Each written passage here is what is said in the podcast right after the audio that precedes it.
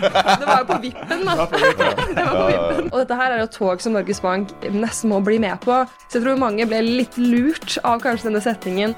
De Ja, skal opp igjen. de skal opp. Ja. Vi tror at de skal opp. Men Oslo og Stavanger skiller seg veldig ut, da. Nå må du bare punge ut eh, med en jævla god vin. Her er Stavrum og Eikeland, en podkast fra Nettavisen. Sara Midtgaard, du er seniorøkonom i Handelsbanken. I uka som gikk, så satt Norges Bank opp renta til 4,5% Var det nødvendig? Altså, Man kan si det som så at Norges Bank kunne ha gamblet på at de kunne holdt en styringsrente på 4,25% og håpet at svakere vekstutsikter og svakere aktivitet ville ha ført til at inflasjonspresset avtar. Men eh, så har de en joker oppi det hele, og det er kronekursen. Og hvis i verste fall kronekursen skulle ha svekket seg ytterligere neste år, så ville de nok ha angret seg at de ikke hevet renta til 4,5% Så jeg- tror de ville være på den sikre siden, heve til 4,5% for å være veldig sikker på at inflasjonen kommer seg ned til 2 etter hvert. Fordi det som er nå vært oppgaven til Norges Bank, er jo å finne dette rentenivået som er høyt nok til at vi kommer ned til på 2% på sikt. Men jeg tror ikke de var helt sikre eh, på at 4,25% var eh, nok, da, rett og slett.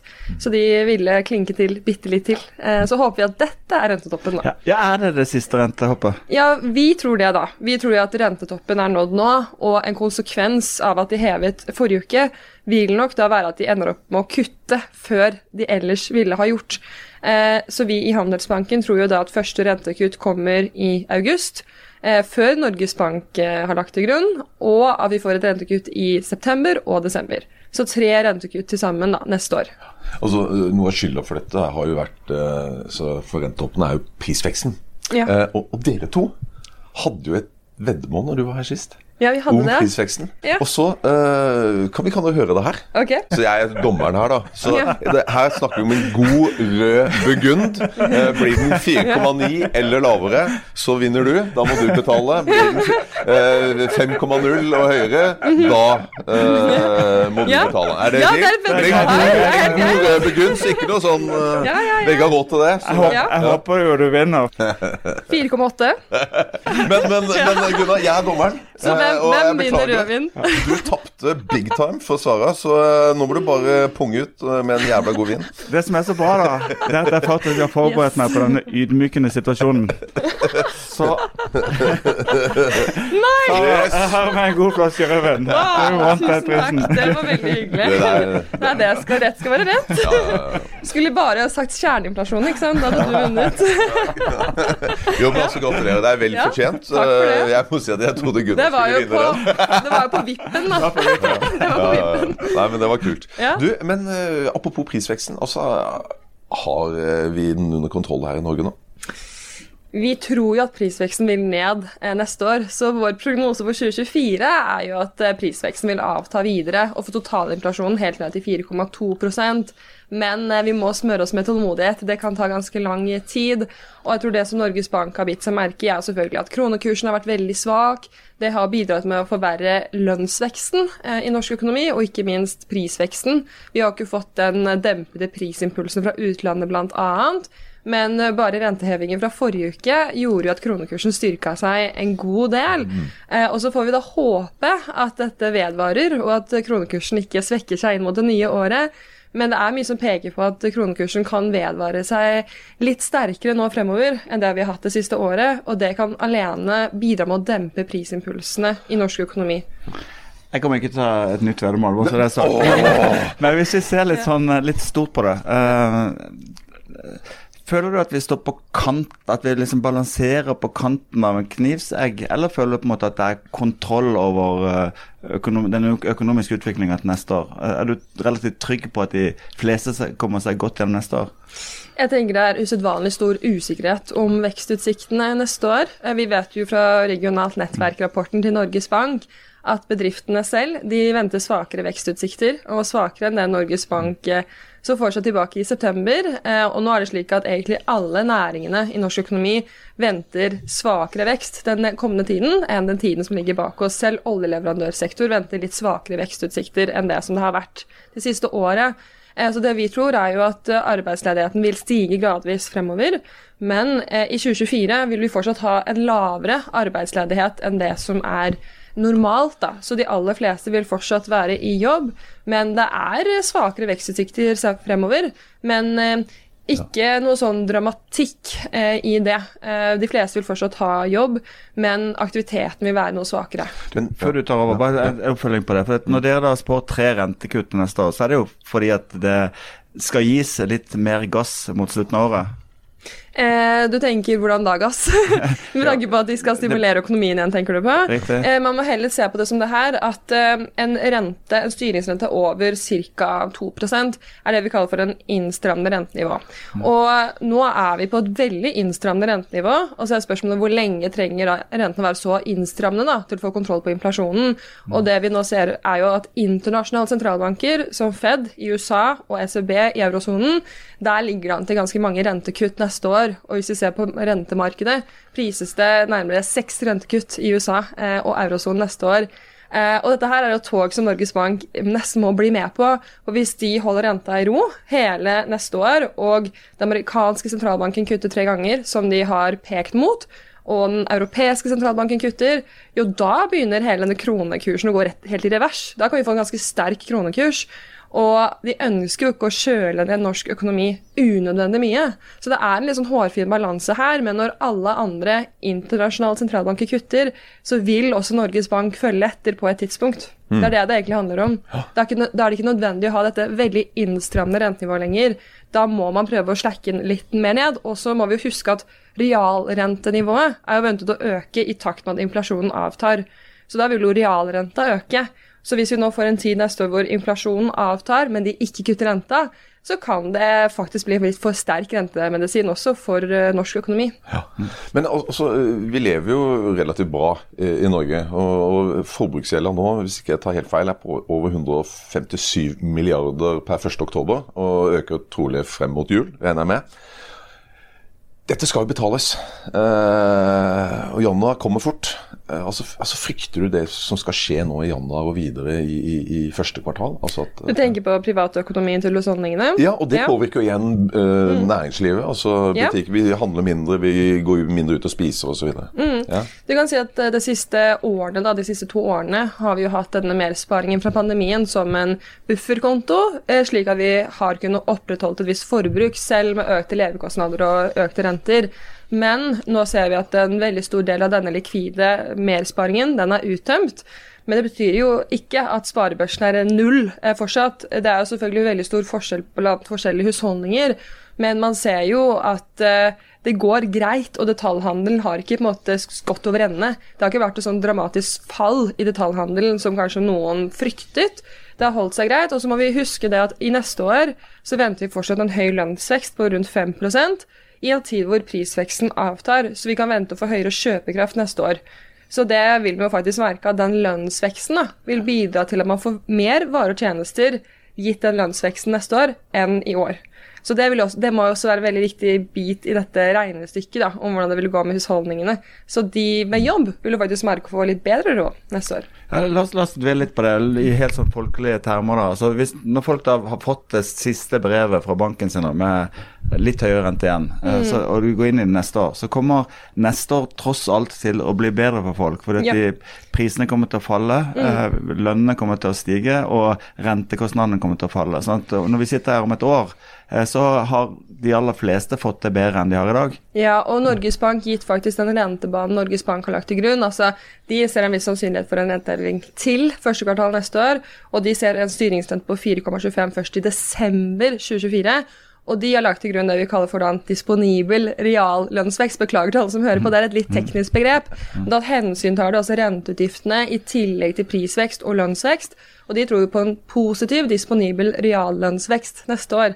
Så det betyr jo at selv med rentebanen til Norges Bank, så får vi faktisk det bedre økonomisk neste år for de som da er i jobb. Altså Med samme gjelda og med samme jobben, så får du, kan du kjøpe litt mer enn du kan i dag. Ja, Ja. neste år eh, kan man det, enn det året som ligger bak oss, da. Mm. Men, men de som sitter i Norges Bank og styrer, styrer dette her og bestemmer om renta skal opp eller ned eller samme sted og, og sånt, de sitter jo relativt skjerma fra eh, virkeligheten. Altså, de, de har ikke vært, eh, Mange av de har vært ute i private næringsliv og, og måtte jobbe for pengene sine. ikke sant? Det kommer jo inn, til, til Norges Bank kommer det inn penger hele tida. Ja. Men er, er det et problem at de ikke har den der fingerspitzgefühlen på hvordan det virkelig er både for eh, den fattige nordmann og, og næringslivet?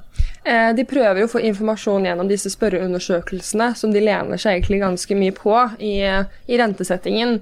Det er da de bruker denne her eh, undersøkelsen kalt regionalt nettverk, hvor de, det er en ganske bred undersøkelse som spør næringslivet hvordan går det, har, hvordan er sysselsettingsplanen i tiden fremover, hva er vekstutsiktene, prisutsiktene, og da tar de all den informasjonen de får av denne spørreundersøkelsen, og de lener seg veldig mye på den faktisk når de setter renta. Og så har man jo også forventningsundersøkelsen, hvor man spør husholdninger hva er lønnsvekstforventningene, prisforventningene. Så de lener seg også mye mot forskjellige undersøkelser for å prøve å, å måle temperaturen da, få på bedrifter, men også se hvor pessimistiske er husholdningene. Så det blir på en måte deres beste måte da, å se hvordan går det med folks lommebok, og hvordan går det med bedriftene. Det er disse undersøkelsene. Og så er det selvfølgelig de harde dataene. Altså Man har jo data på sysselsettingsvekst, man har data på verdiskapning, på lønnsvekst, så man vet jo basert på dataene også hvordan det går i lommeboka til norske husholdninger. Jo, men jeg tenker litt eh, på den siste rentehevinga. Mm. Eh, Det var jo De fleste ekspertene, eh, inkludert Handelsbanken, sa jo at vi hadde sett det siste. Mm. Og så kom det likevel. Og det gjør vondt for de som nå ikke sant, Ja, tre, tror- tredobla rentekostnadene. Jeg tror også mange ble kanskje litt, ikke lurt, men jo på en måte litt lurt også av denne undersøkelsen til Norges Bank som heter Regionalt nettverk. Eh, De klarte jo med et uhell å publisere deler av dette nettverket før de skulle. eh, Og da pekte dette nettverket mot veldig klare negative vekstutsikter for norsk økonomi. eh, Svakere egentlig over hele linja. Og i denne talen som Ida Wolden Bakke holdt for LO, så understrekte hun at de lovet å sette renta eh, i tråd med vekstutsiktene. Så jeg tror mange ble litt lurt av kanskje denne setningen og regionalt nettverk til å tro at ja, men da holder Norges Bank renta i ro. De er så opptatt av vekstutsikter, og dette peker mot svakere vekstutsikter. Men eh, de er også veldig bekymret for prisveksten, eh, og det er nettopp derfor de fortsatt hevet renta, da. Litt sånn nerdespørsmål. Hvis du ser fra, fra Fed i USA, så, så offentliggjør de jo mye mer av den interne diskusjonen. Til og med du får se liksom rentekurvene til hver enkelt, eh, hver enkelt eh, utøver. Og så er det sånn at det er litt vanskelig å analysere det Norges Bank. for dette Små signaler må tolkes veldig eh, langt. da. Man kan si at uh, den norske sentralbanken og den amerikanske sentralbanken er veldig ulik på noen måter i kommunikasjonen. Eh, I USA, altså den Fed, har jo også fra et rentemøte til neste rente, rentemøte ofte mange representanter, altså medlemmer, som er ute og taler. Og de taler ofte ganske fritt. De kan si at eh, nei, rentemarkedet er for pessimistisk eller for optimistisk i renteprisingen. Og da får man ofte en slags guiding mellom ett møte til neste. Hva er pekepinnen, eller hvor vil de indikere renteprognosen neste gang? Og der har du dette dot-plottet hvor hvert Fed-medlem eller region altså har en egen prognose på hvordan blir renta fremover. Så man får litt mer sånn kontinuerlig informasjon da, fra Fed om hva de tenker om utsiktene. Norges Bank er litt mer så fra ett møte til neste er det helt uh, umulig, egentlig, å få ut noe annet enn den rentebanen de allerede har lagt til grunn. Selv om det har kommet inn nye nøkkeltall, selv om det har kommet inn nye inflasjonstall, vil de være veldig på, altså, pirket i den talen, og at de skal ikke gi noen nye signaler om renteutviklingen. Så det er en ganske viktig forskjell mellom kanskje den norske sentralbanken og den eh, amerikanske. At der er de litt mer sånn frittuttalende underveis, da, hvor man kan få en liten pekepinn hvis Powell, altså sentralbanksjefen, eller andre viktige Fed-medlemmer skal ha en tale mellom ett møte til neste. Er ikke det bedre, da? For jeg tenker det er jo ikke noen Ingen tjener på store overraskelser fra Norges Bank, og denne gangen her ble jo eh, markedet rett og slett overraska. Ja, eh, det markedet ble overrasket, og markedet så bare en, ja, en veldig liten sannsynlighet, var det rundt 15% for at det skulle bli en heving. Så mange økonomer og markedet ble jo overrasket over denne rentehevingen her. Og eh, jeg tror det handler litt om hvordan Norges Bank har handlet tidligere. Man, har ofte sånne altså, man ser hvordan har de respondert på forskjellige sjokk før, eh, og så tror man at de skal respondere på lik måte denne gangen her. Men jeg tror nok at eh, mange undervurderte den bekymringen Norges Bank har over prisveksten. Jeg tror kanskje, igjen i denne talen til LO, så ble nok flere litt forvirra, da, med tanke på at vekstutsikter ble såpass vektlagt i denne talen og at man begynte å tro at Norges Bank er litt bekymret for vekstutsiktene, kanskje. De vil eh, kanskje dempe, altså si at nå er rentetoppen nådd, i og med at eh, det var svake vekstutsikter for norsk økonomi. Og kanskje kommunikasjonen glemte litt eh, det tydelige budskapet at de er fortsatt veldig bekymret for prisveksten, og det er faktisk et forhold som er viktigere enn vekstutsiktene. Men, Så ja. Men ok, eh, kronekursen Ja. den spiller jo faktisk eh, inn en god del på, på prisveksten. Altså vi importerer eh, prisvekst Ja. eh, når den er svak. Og, og det første jeg vil eh, vite, det er altså hvorfor har vi den svake krona? Hvorfor vi har en svak krone. Det er en rekke årsaker til at den kronekursen er svak, men man peker jo ofte på flere forhold, og i dette risikopåslaget til kronekursen, da, som ikke handler om rentedifferanser til utlandet, så er det jo ofte det med at hvis det er eh, lav risikoappetitt da, blant investorer, eh, så er det ofte sånn at eh, folk vil ikke ha en liten valuta da, som er lite likvid. Man vil heller ha dollar, og det har ofte resultert i at dollarkursen heller har styrket seg. Kronekursen har da svekket seg. Og vi har jo nå levd i en tid med mye usikkerhet. Og det har gjort at veldig mange vil ikke ha den norske kronen, rett og slett. Men tror du ikke det har en sammenheng med at uh, mange politikere indikerer at uh, det går mot olje- og gasslutt i Norge? Jeg skulle ikke tro det med Equinor og noe sånt, men, men likevel at, at uh, verden der ute Hva skal vi leve av etterpå? Ja. Og at da, ok, hvorfor skal vi da Det er bare snakk om 15 år, 20 år til Mm. er ikke, altså, Sånn sett har ikke politikeren litt skyld i dette her også? Men eh, altså, det kan være. Altså, det er veldig vanskelig å vite nøyaktig hva dette her risikopåslaget forårsakes. Ofte også fordi at hvis oljeprisen faller, så fører jo det også til at kronekursen svekker seg. Men det vi har sett gjennom tidene, da, som gjør dette her til et veldig relevant poeng, det er at eh, kronekursen har jo svekket seg opp gjennom veldig mange år. Vi ser om de siste tiårene så har egentlig kronekursen gradvis svekket seg, svekket seg, svekket seg. svekket seg. Det er ikke bare noe det siste året, selvfølgelig veldig mye, men dette her er egentlig ikke noe nytt. Og det vi tror er en viktig årsak, er jo nettopp dette at oljeinvesteringene som en andel av BNP blir stadig mindre og mindre og mindre. Da. Altså oljeaktiviteten blir en mindre andel av totalen av norsk økonomi. Og vi har jo lenge kunnet levd av eh, godt da, av en veldig produktiv næring som eh, oljeindustrien er, og kunne hatt en mye høyere lønnsvekst enn våre handelspartnere, sånn som i euro, euro, eurosonen. Eh, men den høye lønnsveksten kan vi ikke nå rettferdiggjøre, fordi nå er oljeinvesteringene som en andel av fastlandsøkonomien tilbake til andelen fra 2002. Eh, og, og vi har en lønnsvekst som er 30% høyere enn eurosonen. Så kostnadspresset har vært høyt, men da kan det rettferdiggjøres ved at kronekursen svekker seg. Da er det greit, ikke sant? Du får Fordi mer kroner i, i, i lommeboka, men du får mindre for det når du skal ut og kjøpe i utlandet, egentlig. Ja, det blir dyrere å dra på ferie, det blir det jo da. Men da snakker vi om det vi kaller for realvalutakurs. da.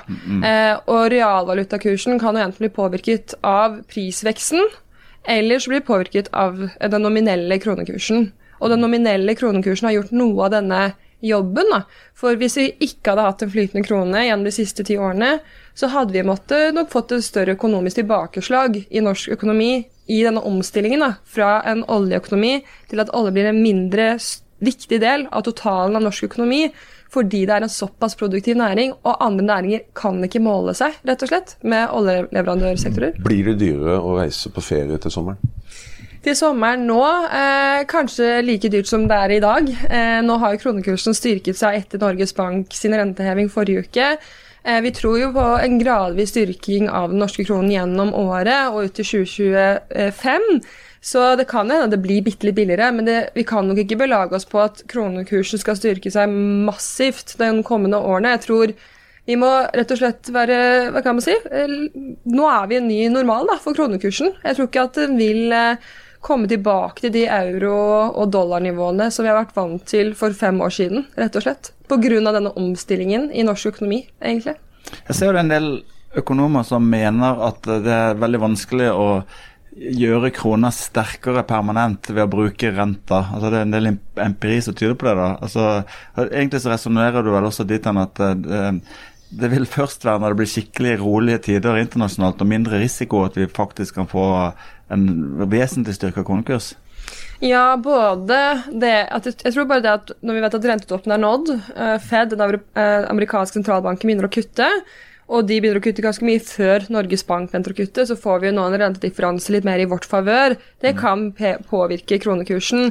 Og så ser vi allerede at risikoappetitten begynner nok å ta seg litt mer opp nå. Vi ser at det at bare renteforventningene har falt som en stein, eh, i hvert fall i USA, er det også det peker mot en myk landing. Og så lenge eh, rentenedsettelsen er fordi at prisveksten avtar, men ledigheten stiger ikke til et unormalt høyt nivå, jo da kan kronekursen begynne å få litt mer medvind igjen, og at eh, dette her går i riktig retning.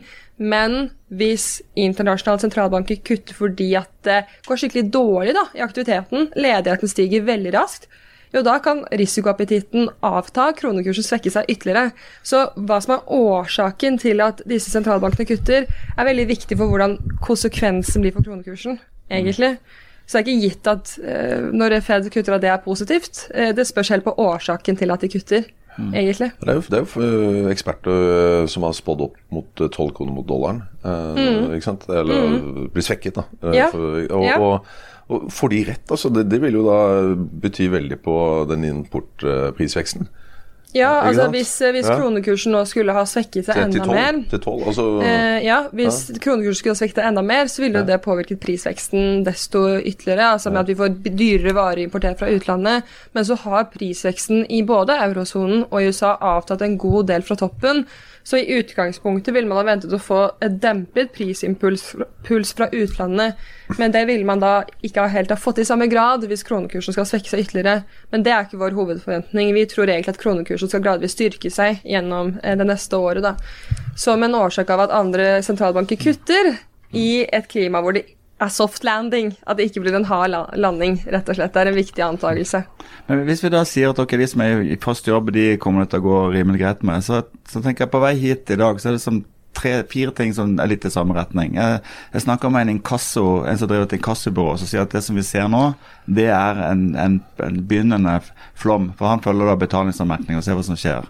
Jeg snakka med en konkursadvokat som hadde hatt et veldig godt år i år, men trodde at det kom til å bli et veldig godt år til neste år. Eh, og På vei hit så ser jeg da en, eh, en person, en velkledd eldre person, som går fra stativ til stiv og, og tar tomflasker. Altså, poenget med dette er på en måte at det er jo ikke alle som er i en fast, sikker jobb. Det er ikke alle som eh, har skjøtta økonomien sin bra heller. Det kan jo være at det blir litt tøft for en del som har delt på den kredittgjelden eller den usikre Ja, ja. gjelden neste år. Jeg tror, altså Hvis vi ser året 2023 under ett, så tror jeg veldig mange har slitt mye økonomisk. Og det er ikke bare for noen husholdningsgrupper. Jeg tror det er for de aller fleste har merket på lommeboka at det har vært surt det siste året, og at det blir desto mer utfordrende å betale hver eneste regning. Og i hvert fall i dette altså, usikre året vi har, vært, vi har vært gjennom, hvor vi ikke vet helt hvor rentedoppen skulle være, vi vet heller ikke om prisveksten skulle avta, så har det vært uh, utro, en utrolig stor påkjenning for norske husholdninger det siste året. Og eh, selvfølgelig, det kan ta tid før man føler på lommeboka at det begynner å gå bedre, men en litt høyere lønnsvekst neste år kan være en fattig trøst. Men selvfølgelig, det er tøft for veldig mange, og det har vært veldig tøft for veldig mange. Og det kan nok føles ut som at det vil ta litt tid før det faktisk blir bedre da, i lommeboka. Men uh, mange av disse førstegangskjøperne er jo de som har, har slitt mest. Uh, du er jo en av de, men uh, du har jo en god jobb og klarer deg veldig fint. Jeg masse deilig rødvin og greier. Vedder med sånne som oss. Men, men, men du har et annet lyspunkt her, altså når det gjelder eiendomsprisene. Mm. de Ja. skal opp igjen! De skal opp. Ja. Vi tror at de skal opp. Ja. Men eh, vi tror at altså første kvartal, eh, januar, februar, eh, mars, så kan vi se at boligmarkedet er litt treigere enn det som er normalt. Vanligvis så stiger boligprisene en del i januar og februar. Men vi tror jo at disse rentehevingene fra Norges Bank vil føre til at januar og februar så blir det ikke en like stor fest i boligmarkedet som det vanligvis er disse månedene. Men eh, når vi kommer dit mot senvår, tidlig vår eller rundt våren, da, så snur det, tror vi. Og da vil vi få en boligprisvekst som er litt sterkere enn det som er normalt igjen. Eh, og dette er jo en viktig antakelse i den analysen vår, er jo at Norges Bank faktisk kutter i august, og at de kutter igjen i september og i desember. Det er en veldig viktig antakelse. Og at de allerede til våren vil begynne å indikere på at dette vil skje. De må kutte før det de allerede har lagt til grunn. Fordi det kan begynne å påvirke boligprisforventningene. Altså Hvis man begynner å forvente kutt, så kan jo folk begynne å tro at boligprisen skal mer opp, og at det er en selvforsterkende effekt. For idet boligprisforventningene øker, så kan flere ønske å gå ut og kjøpe bolig før de selger sin eksisterende, og da kan man få liksom etterspørsel som tar seg opp igjen. I en situasjon hvor lønnsveksten er ventet å være høy, på 5% og vi har altfor få nye boliger som kommer på markedet. I Oslo har vi estimert et boligunderskudd på 3000 boliger neste år. Eh, og det var fordi det ble bygget veldig få boliger i 2022. Det startet ganske tidlig i Oslo, så kom det litt mer på et nasjonalt basis etter hvert. Men dette blir et stort problem i boligmarkedet, og vi tror det vil presse prisene opp, spesielt i hovedstaden. Fristende å stille et idiotspørsmål, men hvis det blir sånn at folk bruker, uh, bruker mer av kjøpekraften sin på, på boligkostnader, hva, hva, har det å si for kon konsumprisindeksen? For konsumprisindeksen, altså da ser vi ofte på leieprisene, at det er leieprisen som stiger. Men leieprisindeksen i KPI er både ikke en ren markedsleie, som man ser på finn.no. Den prisindeksen er på en måte en vektet indeks av hva man tror er kostnadene for en som har kjøpt bolig, i forhold til en som leier bolig. Så den er litt sånn Det er ikke helt rett fram da, hvordan den egentlig er beregnet. Og man ser ofte at det er veldig stor avstand mellom den KPI leieprisindeksen eh, SSB publiserer, og f.eks. den snittleieprisindeksen som Eiendom Norge publiserer. Den er mye, mye høyere. Så selv om eh, ja, leieprisen har steget mye, så ser man det ikke i like stor grad i konsumprisindeksen, selv om den er vektet eh, ganske så høyt, egentlig. Jeg ville hatt en gut feeling at hvis du brukte masse penger på å kjøpe deg bolig, så ja. hadde du mindre penger til å forbruke til andre ting. Så det ja, på en måte presser I utgangspunktet skulle man tenkt at den vektingen øker, da. ikke mm. sant? Og så mm. pleier de ofte å endre vektingen en gang i året. Mm. Men eh, det er jo på en måte igjen en vekting mellom de som eier bolig. altså Det er jo ikke bare førstegangskjøpere den vektingen er for, det er for alle. Det skal være sånn snitt for norske husholdninger. da. Mm. Så den vektingen i KPI-indeksen skal være så representativ som mulig for en snitt norsk husholdning. da. Mm. Så selvfølgelig noe går til bolig, men det er ikke representativt bare for en førstegangskjøper. Det skal være for alle, på en måte. Men det, det, altså det Gunnar egentlig fram til, altså hadde man brukt reell eh, vekst på, på, leie, så hadde han vunnet veddemålet. Men, men okay, egentlig hadde han tilbake da. Men du, eh, konkret. 4% opp på boligprisene på snitt på hele landet neste år? Eh, ja, tolv måneders vekst ja. desember mot desember. Ja, ikke sant. Mm. Og så eh, skal det uh, bli kraftigere vekst i Oslo, 6 Oslo. Og Stavanger også relativt kraftig? Ja, Stavanger også. Ja, ikke sant? Mm. Så storbyene, de, de, der, der, blir det bedre? Ja, men ja. Oslo og Stavanger skiller seg veldig ut. da. Vi tror ikke på like sterk vekst i Trondheim og i Bergen. Og ikke Tromsø heller, der venter vi egentlig en ganske svak vekst neste år, på null. Eh, vi tror Tromsø vil ha den svakeste boligprisveksten neste år. Det som preger Oslo-markedet, er jo det med at det kommer veldig få nye boliger på markedet. Og så er ofte renteeffekten sterkest i Oslo når renta blir satt ned. Det er viktig å understreke. Vi vet ikke så mye om når renta heves, men når den blir satt ned, så ser vi at det er boligprisen i Oslo som ekskalerer. Fordi det har vært et tilbudsunderskudd av boliger i mange mange år i Oslo, egentlig, og så bare forverres det nå i den kommende tiden. Eh, så når vi tror Norges Bank kutter renta til høsten, så vil det påvirke boligprisene mest i Oslo. Og i Stavanger så er oljeinvesteringene ventet å fortsatt stige en del eh, neste år, som kommer til å fyre opp aktiviteten i Stavanger det neste året også. Men i 2025 så er oljeinvesteringene ventet til å falle. Så da vil de ikke få dette bidraget fra oljeinvesteringene lenger. Og da tror vi egentlig at når alle andre store norske byer får en rekyl, så får ikke Stavanger denne rekylen. da. Mm. Selg huset i Stavanger, kjøp i Oslo. ja. Men du, eh, nå er det jo jul, eh, og for å avslutte litt i sånn positive lei mm. eh, Økonomer er alltid bekymra, men la oss liksom tenke hvordan, Hva er best case? Hvordan kan det med litt flaks gå i, i, til neste år?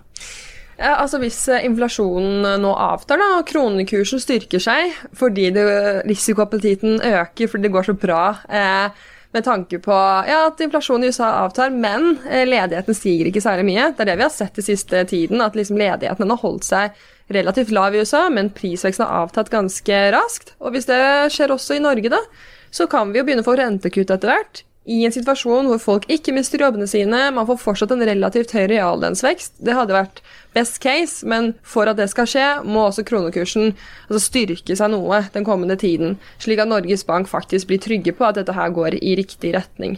Så det hadde vært det aller beste for alle, med litt rentekutt til høsten og høy lønns, lønnsvekst. da. Altså, du er frisk med den norske økonomien nå. Jeg, jeg, jeg digger det. Det er så bra! Ja, jeg håper jo det. Det er så bra. Håper at dette går i riktig retning. ja. Du, eh, takk for at eh, du kom. Eh, kos deg med vinen. Og hvis, du, hvis det best case scenario slår til, så får du en ny vin neste år. Takk. Det hadde vært veldig fint. Du fikk Stavrum og Eikeland, en podkast fra Nettavisen.